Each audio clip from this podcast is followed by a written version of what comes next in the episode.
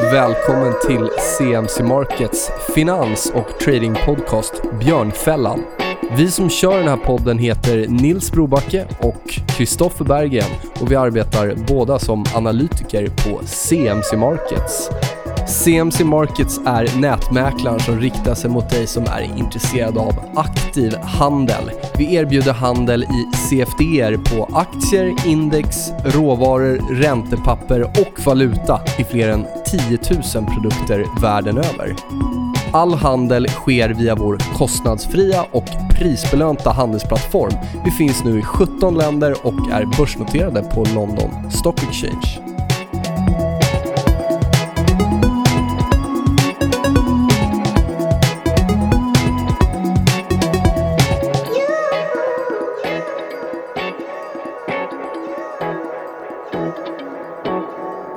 Avsnitt 45 och på dagens agenda har vi återigen ett besök av Henrik Milton och Andreas Brock från Coeli Global Selektiv. Eh, vi kommer summera deras 2017 som blev riktigt, riktigt trevligt för investerarna. Vi kommer prata om flera resor, bland annat Kina, Hongkong, Argentina, Indien och så avslutar vi även med lite USA-prat. Då välkomnar jag Andreas Brock och Henrik Milton tillbaka. Queli Global Selektiv. Det är ju tredje gången vi har äran att få eh, lyssna till er här i eh, Björnfällan. Varmt välkomna. Tack så mycket. Tredje gången vi, vi får lov att komma hit, så tack ja. så hemskt mycket för det, Nils. Tack så mycket. Jättekul att vara här igen. Ni har haft ett eh, händelserikt år, får man säga. Eh, riktigt fin avkastning och ni eh, eh klodde ett jämförelseindex.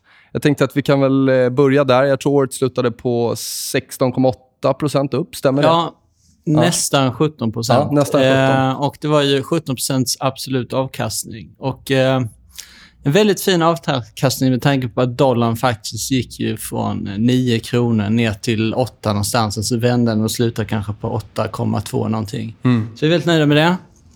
Vi slog vårt jämförelseindex med cirka 5% Vi slog svenska marknaden, svenska fondindexet Sixbergs med 8% Vi är också väldigt nöjda med det. Så det var ett bra år. Ehm, det som gick bra, det var eh, ett antal special situations som gick fantastiskt bra. Eh, framförallt i eh, sista kvartalet gick de otroligt bra. Eh, sedan gick Payment otroligt bra. Mm. Vi brukar ju prata om Wirecard. Det var ju den klart lysande stjärnan. Jag tror att aktien gick nästan 100% förra året. Otroligt bra. Så det är väl det. Och sen hade vi också saker som gick dåligt. Eh, amerikanska cykliska gick ju nästan noll. Just det. Uh, så vi gick helt flat där. Uh, någon gick upp, någon gick ner. Men det, var ju en, uh, det är ju den sektor som vi tror väldigt mycket på det här året. Och, och så är det ju alltid ett år. Vissa delar går bra, vissa delar går dåligt. Det viktiga är ju det är nästan ännu viktigare att undvika förlorarna än, än att hitta vinnarna. Och vi hade inte mycket som gick dåligt, utan mycket gick bra, en del gick sådär och en del gick inte alls. Liksom. Det hände ingenting. Och summa summarum 17 procent. Och som du säger, så det kan ju vara en sektor som då kanske spelar ut eh, i år, då, Precis. till exempel. Och, och, så brukar det vara. Ni har, har ju även hållit bra koll på risken om man tittar. Största drawdownen under året var lite under 10 där. Eh, det var juli eh, till september. Då. Eh, har, hur har ni jobbat med riskhanteringen där? Är det no något speciellt eller har, har det varit som vanligt bara? Eh, det vi gjorde vid det tillfället, vi pratade ju väldigt, väldigt mycket då. Eh, vi utnyttjade den möjligheten, det vill säga att vi ökade upp i vissa företag som vi trodde mer på än andra. Och när det väl vände sen så steg vi som en rymdraket mm. i princip. Så i princip att ni ökade positionerna på det, det som ni ansåg låg bäst till då? Eller hade, ja, ja, exakt. Och det är väl någonting som vi ska liksom förmedla till, till lyssnarna. Det är att när, när det är jobbigt på börsen, när det skakar, skakar på börsen, då jobbar vi som mest. Uh, det är också kanske det som den roligaste tiden. Liksom, för det är då vi kan verkligen addera värde. Uh, på 80-talet så var det någon, någon låt som gick så här When the going gets tough, the tough get going. Och det, är väl, uh, det finns väl lite grann där. Så att när det skakar och vår fond är ner då, då jobbar vi extra hårt och eh, ofta, inte alltid, men ofta efteråt så får vi en väldigt behaglig resa.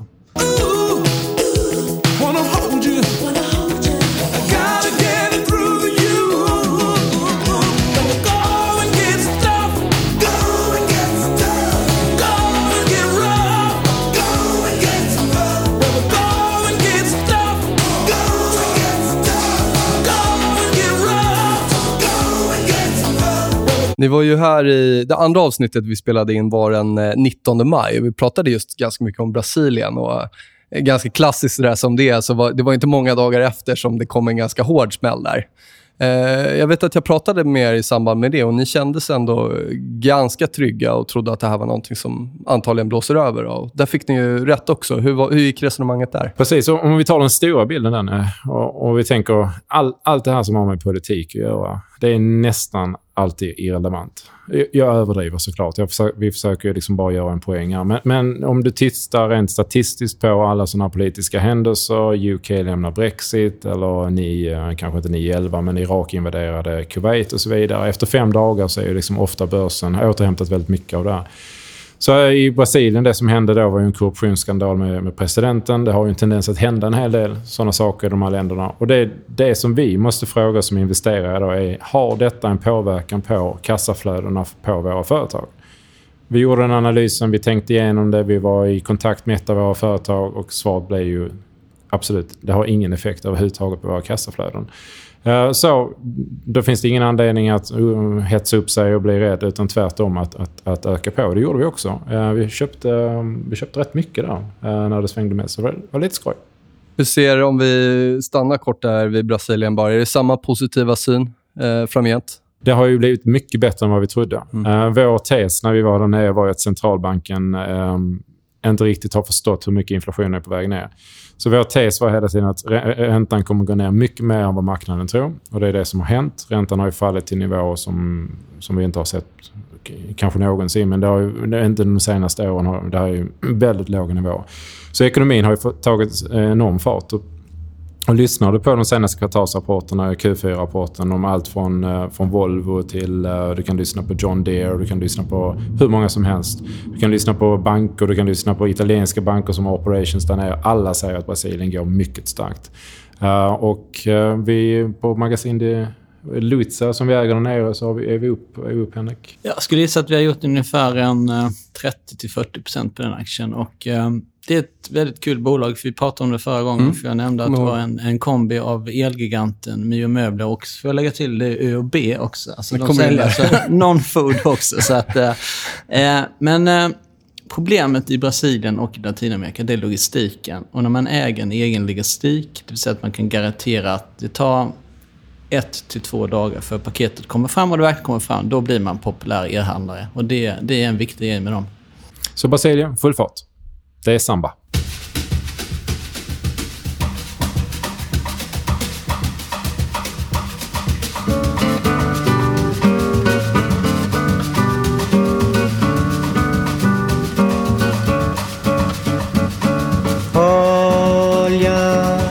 Esta mulata quando dança é luxo só. Yes, och i eh, höstas här så var ni i ett annat spännande land, Kina. Eh, alltid på tapeten såklart, men eh, vi vill ju såklart höra. Vad, vad såg ni där? Vad är er känsla och är det några särskilda innehav som är värt att, att lyfta fram?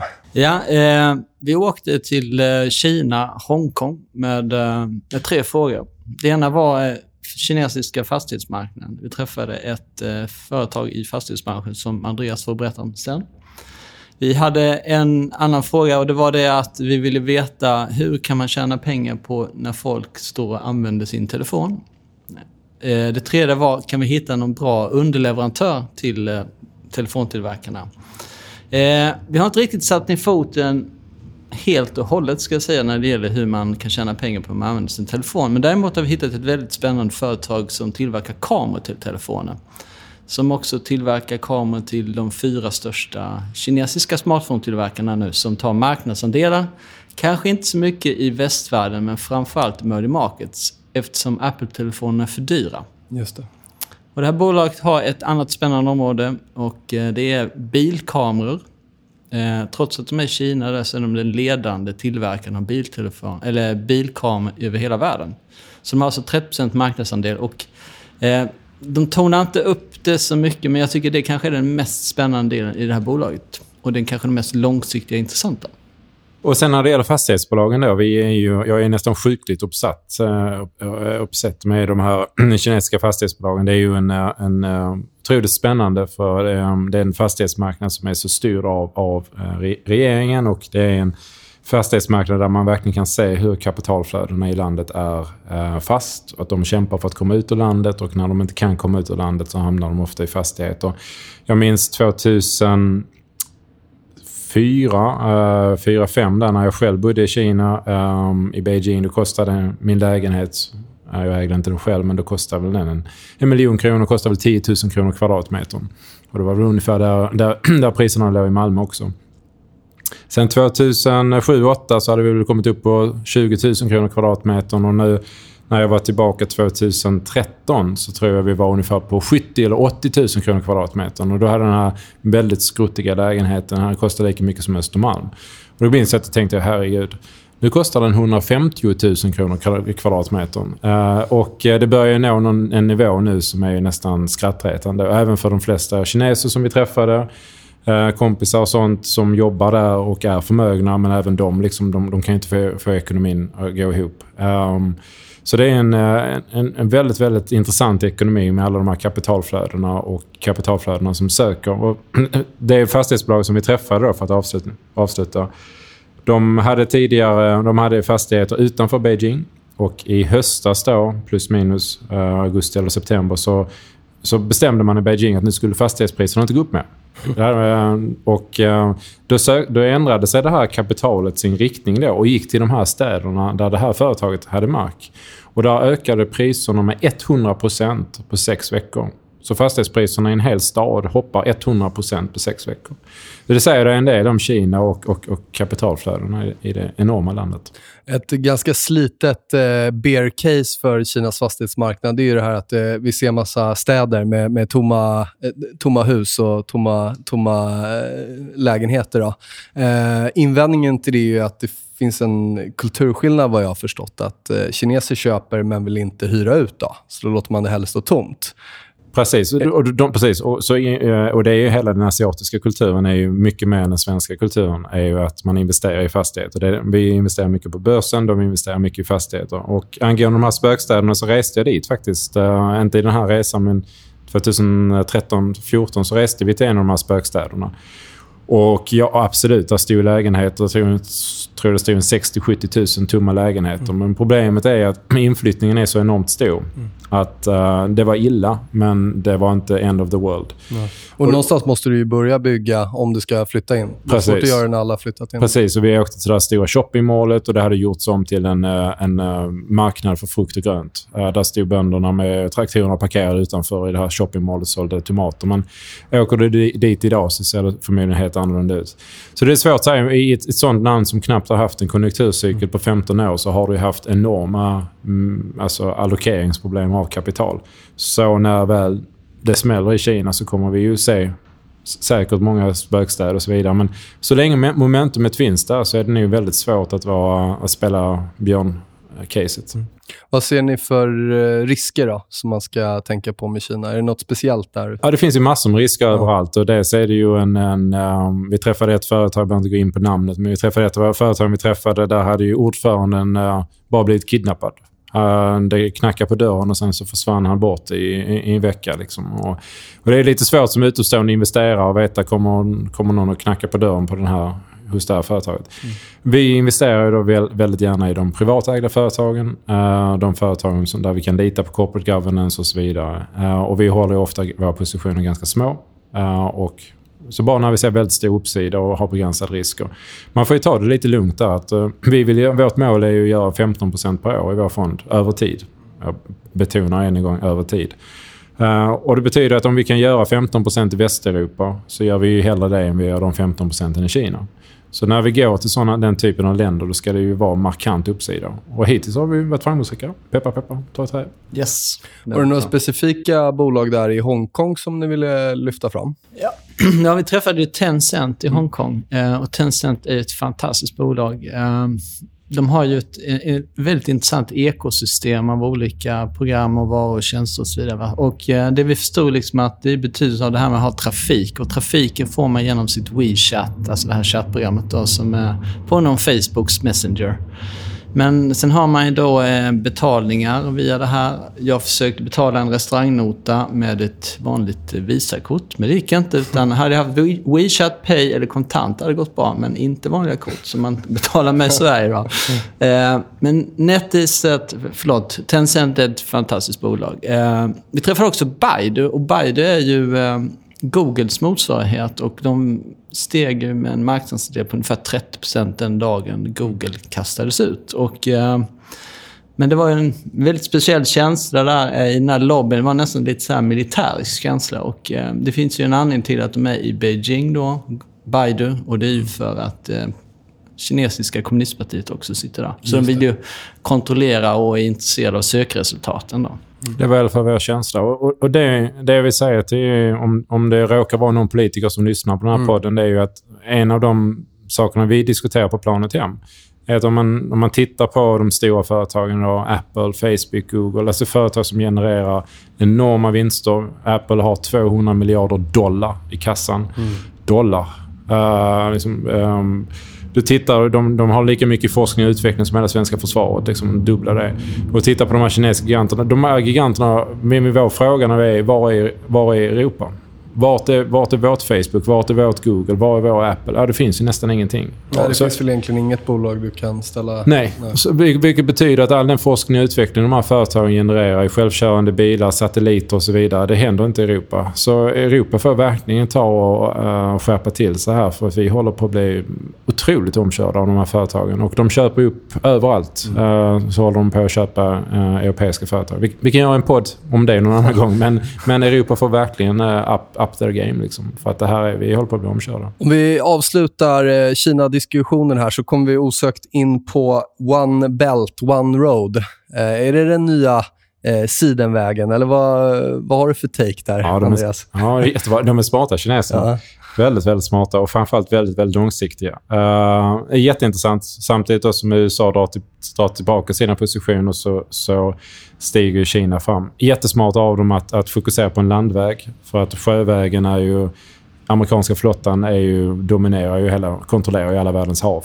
Så eh, smart av dem att fokusera på en landväg, smart av dem att knyta alla de här länderna närmare till sig. Och det här leder ju också till en digital eh, vä- väg. Baidu kommer ju säkert att vara involverad i, i själva den digitala täckningen av det här. Vilket betyder att du får data från alla de här människorna och allt som re, reser på den här vägen. Så smart gjort av dem. Än en gång var eh, vi har problem med att bygga höghastighetståg mellan Stockholm och Malmö.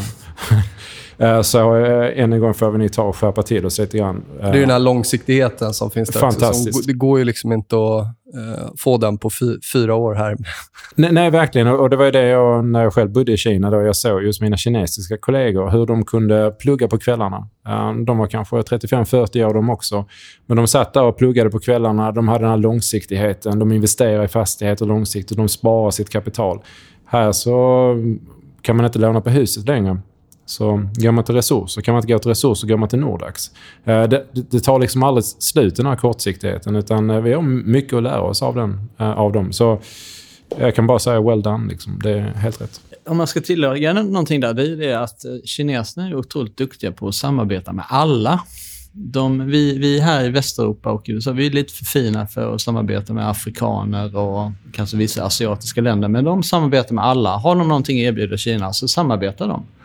Och det är ju någonting som vi ska lära oss av. va? För att, eh, och vårt hinder där lite grann, det är ju egentligen vårt eh, demokratiska synsätt då, medan kineserna, de bryr sig inte alls om det är en diktatur eller inte. va? Och det är ju liksom, det är väldigt tråkigt, men vi kommer på efterkälken alltså. Så är det. Vi behöver inte börja ifrågasätta våra demokratiska värderingar och så vidare, men att man kanske har en... en eh, man måste ha ett fokus på handel också. Eh, och, eh, och förstå att handel med länder skapar kanske demokrati på ett annat sätt än att... Istället för att skicka in trupper och försöka ändra, skapa demokrati så kan man också bara syssla med handel. Men eh, medan vi i Sverige stänger handeln till vissa länder, vi anser inte vi är för, vi är för fina för att handla med dem, så kanske vi istället med kommunikation kan göra mycket. Så vi hade många tankar när vi reste hem. Eh, och eh, vi har ju då investerat våra andelsägares pengar i de här företagen som växer. Så våra andelsägare får ta, te- ta del av den här tillväxten. Och det är ju vårt jobb. Sen har ni varit i Sydamerika också.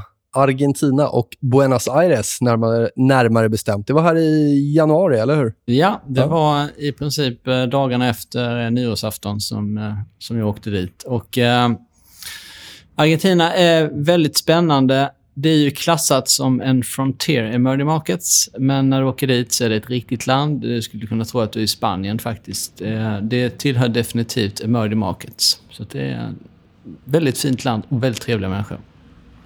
Eh, nu Ni har vi varit i Brasilien tidigare, som vi pratat om. Vad är, vad är de stora skillnaderna mellan Argentina och Brasilien, skulle ni säga?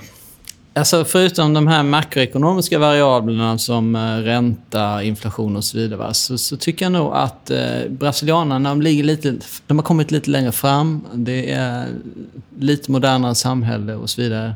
Argentina har ju haft lite svåra år. Det är egentligen från först 2015 som det har blivit bättre. Eh, med den nya presidenten Mauricio Macri som har gjort eh, väldigt fina och bra reformer. Eh, så jag tror nog att brasilianerna är lite längre fram, Argentina är på god väg, skulle jag säga. Några specifika bolag där som ni träffade och ni vill prata Ja, om? jag kan lyfta fram... Eh, vi träffade sju företag.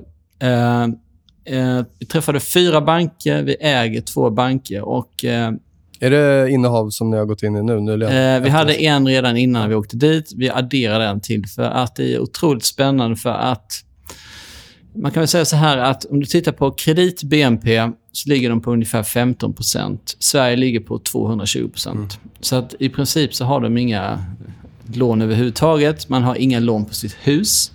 2016 har de eh, infört en ny produkt som kallas bolån.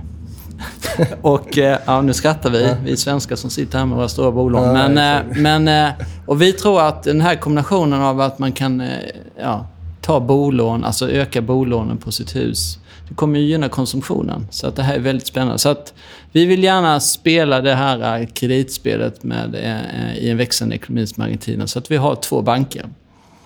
Sen träffade jag också ett annat, annat spännande företag. Det är Mercado Libre. Och det är ju eh, motsvarigheten till Amazon i Sydamerika. Är de baserade i Argentina? De eh, har sitt huvudkontor i Buenos Aires. Eh, och Det är ju otroligt spännande för att eh, jag tror att efter Afrika så är nog Argentina eller Sydamerika det landet som har lägst e-handelspenetration. Eh, och eh, Vi pratade lite om det brasilianska Magasin de Luiza. Det är ju en konkurrent till, till Mercado Libre, men, men det Mercado Libre har insett och, och att de måste göra det är att de började ge bort gratis frakt. Och det vi var inne på. Jag träffade en kvinna på eh, svenska ambassaden i Buenos Aires som sa det att jag skulle hämta ut paket, det tog fem timmar. Alltså då förstår man ju att det här med logistiken är viktigt när man hör en sån sak. Eh, Så att, eh, ja. Men det, det, eh, jag kan verkligen rekommendera att åka dit. Det är ett väldigt spännande och trevligt ställe. Och det händer grejer. Är det tre innehav som ni har nu som är argentinare? Nej, vi har två stycken. Två stycken? Två stycken. Två banker. Mm. Eh, det jag skulle vilja lägga till det är att vi träffade ett fastighetsbolag också. Och eh, som eh, Deras största andel av fastigheten var faktiskt köpcentrum. Och Det som skiljer då från till exempel USA och Västeuropa det är ju det att där har vi ju the death of the malls. Va? Men här var det precis tvärtom. Utan det var kö för att komma in som att få etablera en affär i de här köpcentrum. Så det var en väldigt viktig asset att ha de här köpcentrumen. Och, eh, det är otroligt spännande att se att det kan vara så annorlunda på andra sidan jorden. Men du antar att det måste hänga ihop med den då mindre e-handeln eh, som finns? Och, Ja, som det är också. och Men, men sen så gillar man att gå i affärer. Man tycker om att, att, att shoppa. Eh, och, eh, det, det, ja. Och det är ju väldigt fint. Det ser precis ut som här i Stockholm. Så det är ingen skillnad alls. Och det, just den där, det är en aktie vi tror kan gå kanske en 50, 50 procent. Den var lite i likvid just nu, men vi har koll på dem. Så två kanske blir tre innehav, Ja. Eh, men just nu bara två.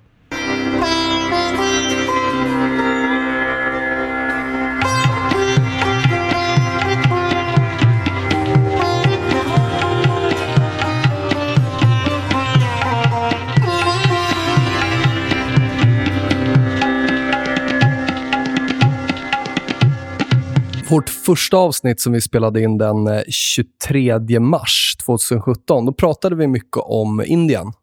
Eh, tycker att vi eh, går tillbaka till det och, och, och tittar lite där. Vad, vad har hänt sen dess? Och är, det, är det någonting som har förändrats i er syn? Är det några nya innehav ni har tagit in? Eller vad, vad är er syn på Indien? Um, vi har precis samma innehav idag som vi hade för två år sedan i Indien. Um, efter vår resa så köpte vi två, två aktier och det är samma aktier som vi har idag. Um, vi, vi var nere i Indien för ett par veckor sedan. Detta otroligt dynamiska land som alltid, de är alltid positiva. Det är, det är fascinerande hur uh, maten, är, uh, maten är god, människorna är positiva. Det är jätteskoj där.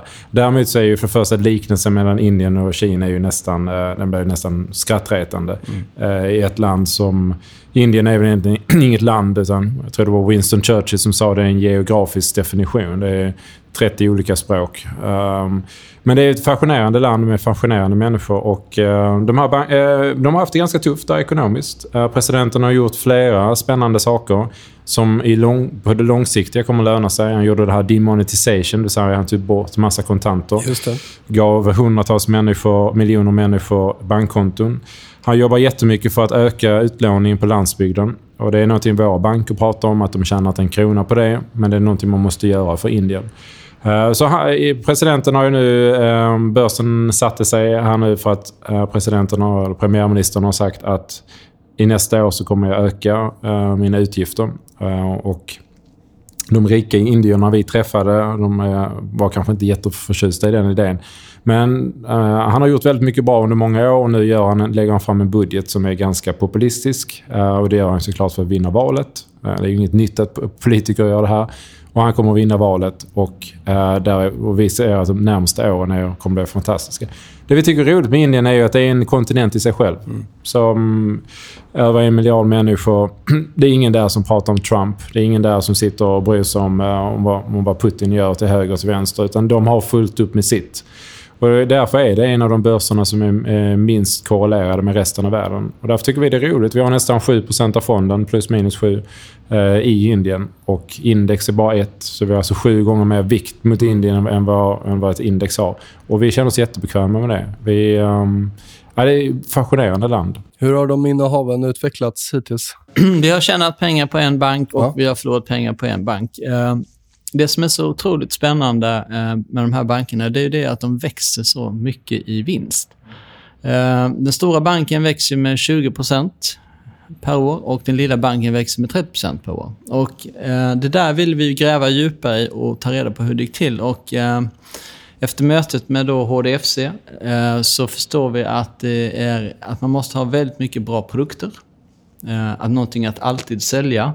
Sen måste man då nå sina kunder antingen genom ett kontorsnätverk eller att man har ett digitalt erbjudande. Eh, och sen en av anledningarna till att man kan hålla sina kreditförluster runt 1% det är att, eh, att man har all kreditgivning centralt.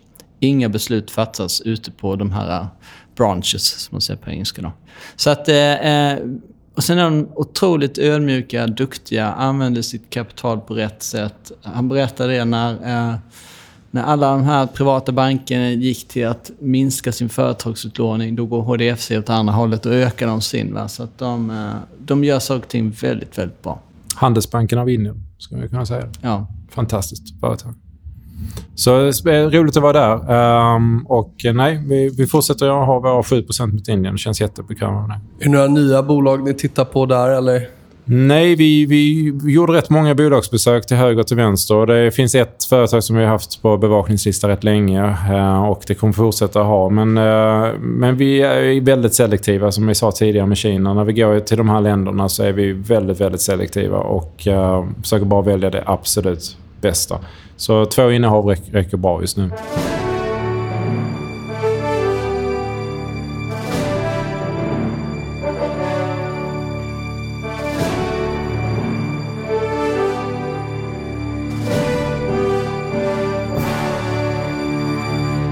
Så, då förflyttar vi oss från eh, eh, ja, man säger, lite mer utvecklingsländer till det stora landet i väst. USA. Det har ju lite innehav där. Och det har väl, eh, ja, du nämnde det tidigare här. Det har varit lite sidledes. Ja, precis. Vissa innehav har gått sidledes, vilka har gått bra. Vi har ungefär 40% av fonden i USA. Det har vi haft sen vi startade fonden för tre och ett halvt år sedan. Och, eh, det är ungefär där plus minus som vi ligger. Och, eh, 40 USA, 40% Europa, 20% allting annat. Plus minus. Uh, så vi har mycket USA. Vi gillar USA. Fantastiska företag. E- enormt fokus på aktieägarvärde. Och det har vi inte i alla länder i världen, men, men det har vi verkligen där. Uh, Det som händer i USA och därför det har varit tumult de senaste veckorna är såklart att inflationen kommer. Och uh, den kommer på riktigt, Nils. Utan det, det, pratar man med våra företag och man tittar på datan och man går, om man går djupare i datan än vad liksom headlines säger och verkligen går ner och tittar på industrinivå så händer det, det händer mycket här på löneinflationen. Så den ekonomin är ju ganska överhettad, eller vad man ska säga. Och sen så tillför du då en triljon dollar i skattesänkningar och massor med extra bonusar. Menar, tro- det, är- det, det är inte undra på undra för att eh, du får inflation. Det betyder att räntorna kommer upp. Just det. Eh, och det är ju ingen nyhet. Eh, och det, var ingen, det är ju inget förvånande. Eh, vi minskade ju ner vår, vår fastighetsexponering i december. Vi köpte en bank i USA som var posi- positionerad för räntehöjningar. Så för oss var det här dels väntat och, och har varit bra. Sen så innebär det ju också att det skakar till i andra delar av vår portfölj, men det får man ju bara liksom acceptera. Eh, Att räntan ska vara så här låg eh, Eh, de närmsta kommande tio år som de varit de senaste tio åren är kanske inte rimligt.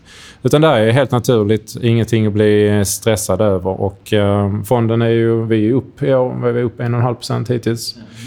Så vi har lyckats skapa positiv avkastning trots allt. Eh, vad händer med USA? Det som händer är ju, eh, vi, vi, vi pratade här lite grann du och jag över, över en kaffe här om, om, om Trump. Just det. Eh, Denna fantastiska eh, medieomsusade människa. Alltid något att säga. Ja, precis. Men det jag och Henrik skulle vilja sticka ut och bara säga, är det någon som verkligen sätter sig och verkligen lyssnar på de här presskonferenserna som han har sagt? Vi har lyssnat på ett par, eh, jag och Henrik. Om man bara lyssnar från början till slut så om, ett, om vi lämnar den fruktansvärda kvinnosynen och allt det andra vid sidan om, utan bara, bara lyssna på vad han pratar om ekonomi, för det är ju det enda jag och Henrik kan uttala oss om.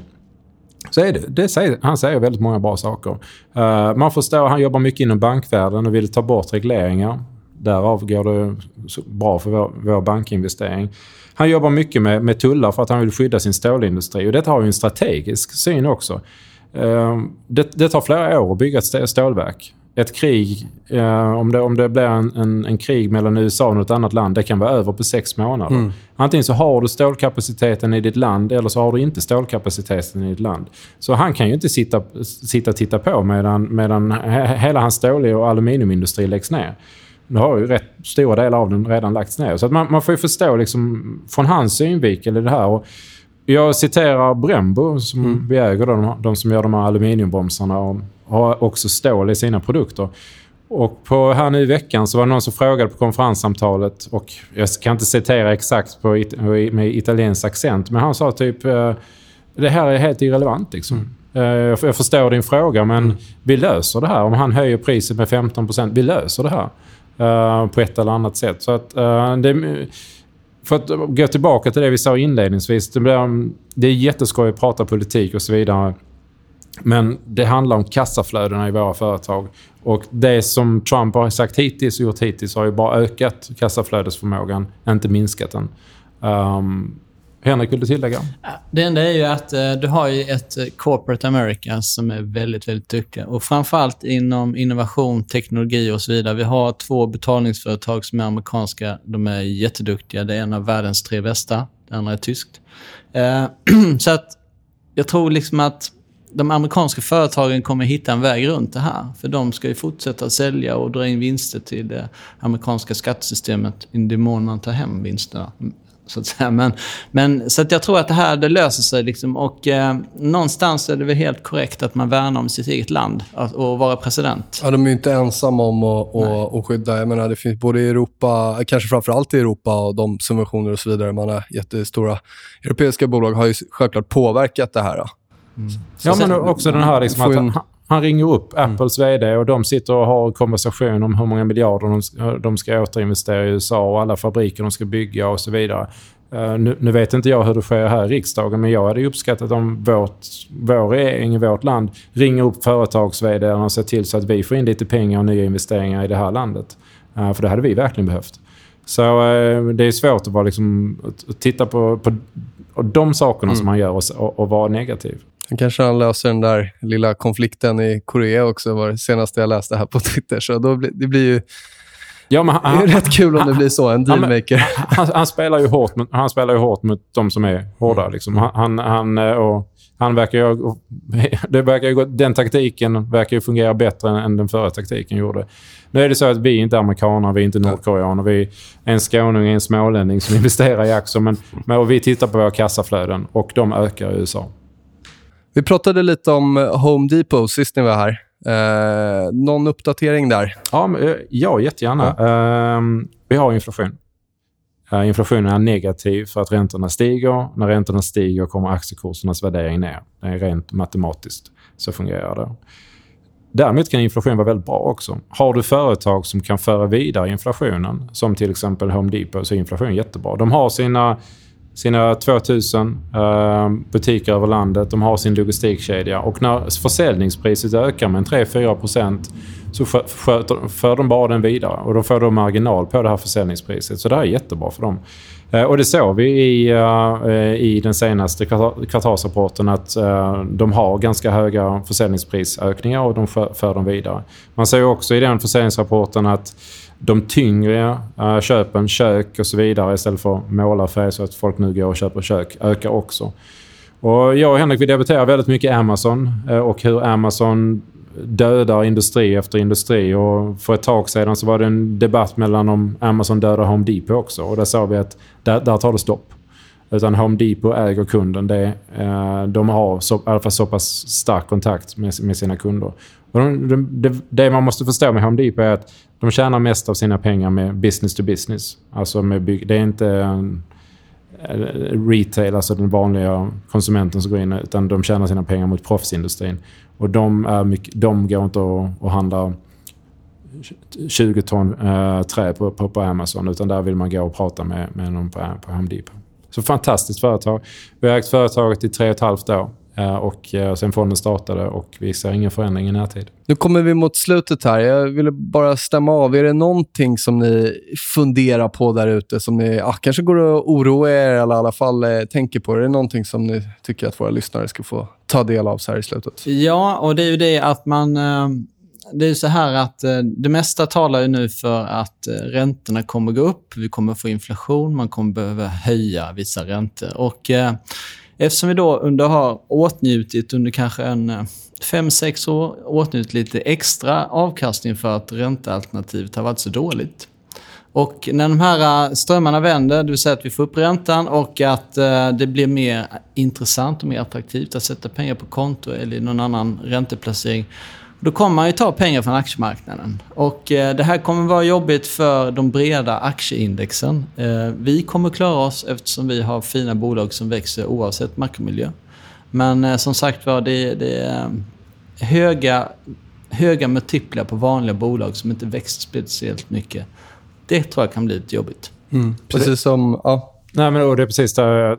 Våra bolag påverkas ju såklart av, av makromiljön, men vi är så pass, om man tittar på deras produkter och så vidare, så är vi ändå övertygade om att vinsterna växer, även om, även om den här räntan går från 10 är på 2,9 idag. Även om den går, från 2,9 till 3,5 så slutar man inte köpa en Brembo Oms. Utan det är, inte, det är inte det det hänger på. Så de passiva indexprodukterna som har, eh, har en, en bra tid bakom sig, det, det kan ju så att säga börja vända åt andra hållet. vi hoppas ju det. Äh, Alla mycket talar för det, tycker jag. Ja. Faktiskt. Och ni är inte de enda som har lyft fram det eh, faktiskt här i OL. Vi har flera som har pratat om det, så det kan ju vara något att hålla koll på. Stort tack killar. Eh, kul att ha er här igen. Jag är säker på att det blir eh, fler tillfällen, kanske lite fler resor framgent. Nej, inga, inga stora utlandsresor planerade de närmsta eh, veckorna. Men eh, det, det dröjer inte länge förrän vi är ute igen och träffar nya företag. Vi har, ett nytt, vi har en företagskonferens, uh, samtal bara om ett par timmar med, med den amerikanska banken. Och så håller det på. Vi träffar ungefär en, två företag i veckan, plus minus. Vissa perioder mer, vissa perioder mindre. Eh, så, men inga, inga stora utlandsresor de närmsta veckorna i alla fall. Stort tack. Hoppas det blir ett lika bra 2018 som 2017. Tack så mycket. Ha det Tack gott. så mycket. Tack.